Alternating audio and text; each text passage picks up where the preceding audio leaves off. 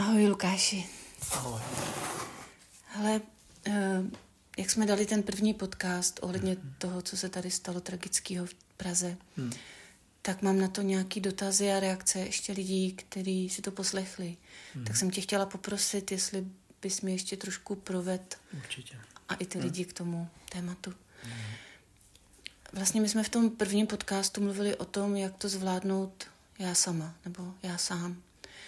A teď, když je situace, kdy někdo má kamaráda nebo příbuznýho, který prožil něco podobného a chtěl by mu pomoct. Když můj kamarád vlastně tohle to třeba zažil nebo něk, někoho blízkého ztratil a já mu chci pomoct, hmm.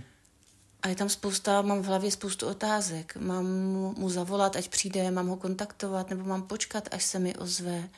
Mám s ním to téma probírat, nebo mám ho nechat o samotě, mám poslouchat to, co on chce, i když třeba ty lidi zase si myslím, že můžou mít eh, takový ten dojem, že nechtějí obtěžovat okolí, ale třeba by to potřebovali. Prostě hmm. spousta takovýchhle otázek se honí mě a vlastně i těm lidem, kteří reagovali na první podcast v hlavě. Hmm. Můžeš nám k tomu něco říct? Jo, eh, no v podstatě ty si to v tom eh, dotazu vlastně řekla. Jo, jako jedna věc obecně, že což nám nikomu moc nepomůže, ale eh, jako ten background je asi důležitá, je, že každý se s tím vypořádáváme jinak a víme, že potřebujeme i něco jiného, když prožíváme nějakou bolest, nějaký utrpení, hmm. něco těžkého. Jo? A to je jako to základní, opravdu pořád si být vědomý toho, dávat pozor na to, abychom tam netlačili svoji verzi, jo, to, jak si myslíme, že by nám pomohlo, hmm. tak to nadspeme tomu druhému, budeme se snažit mu jako vysvětlit, jak by to měl teda správně udělat a vy, vypořádat se s takovouhle situací. Takže to důležité je uh, uvědomit si tady to, že to může opravdu ten člověk potřebovat různě, jinak než my, a být hodně všímavý a vnímavý k tomu, co se s ním děje. Když máme tu možnost s ním být naživo, tak si všímat i těch neverbálních projevů, jestli to souzní s tím, co nám říká, protože tak, jak ty jsi řekla přesně, tam v těch lidech je eh, hodně často, a řešili jsme to hodněkrát, tenhle ten rozpor, že na jednu stranu nechci obtěžovat, nechci v tom být, a zároveň ale potřebuji nějakou blízkost a podporu. A teď jak to hmm. vlastně jako, hmm. eh, jako vybalancovat, aby to fungovalo.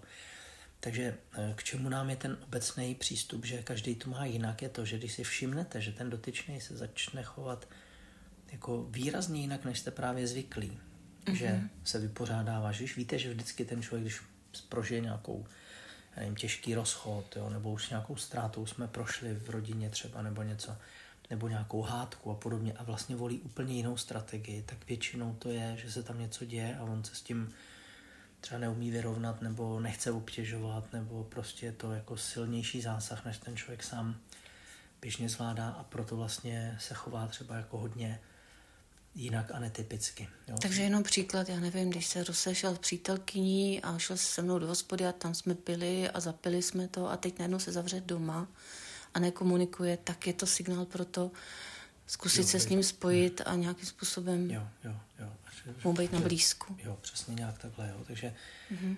jo, pokud máme tu možnost, jako, že víme, že ten člověk jak reaguje na těžký jo. životní situace, nebo pokud jsme už zažili něco podobného, tak jak v tu chvíli reagoval, co potřeboval, co nám potom říkal.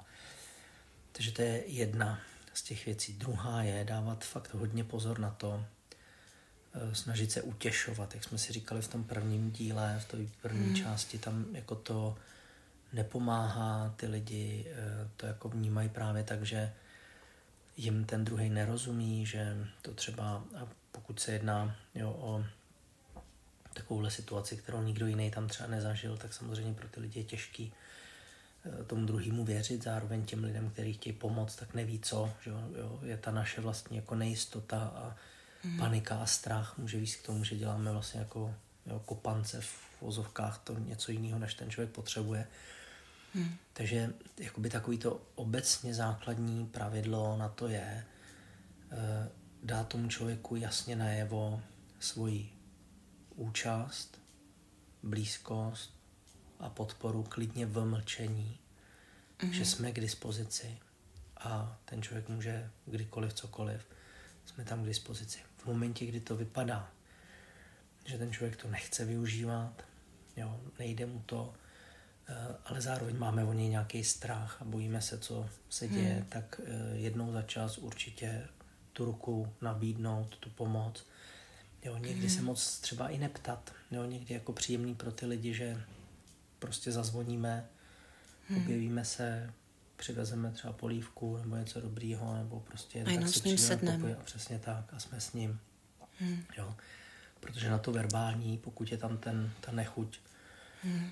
e, obtěžovat jo, a strach z toho, že už obtěžuje, že je to znovu a tohle, tak, tak hmm. ten člověk řekne, ne, nemusíte, ne, jezděte v pohodě, vyhecuje hmm. se k téhle odpovědi, ale přitom vlastně někde vnitřně potom se tím zžírá, tak ono obecně, že to pravidlo se říká sdílený smutek, poloviční smutek, že? Hmm. takže jako jasný, že když ten člověk může to někde pozdílet a, a to důležité je nechtít to řešit nebo vyřešit, ale ty první fázi prostě bejt s tím člověkem a bejt mu tou vlastní účastí, jenom už to často je dost. A on když něco potřebuje, jak se doptá, jo, a prostě vyzdílíte i ty emoce a jste tam spolu, tak to většinou funguje hodně.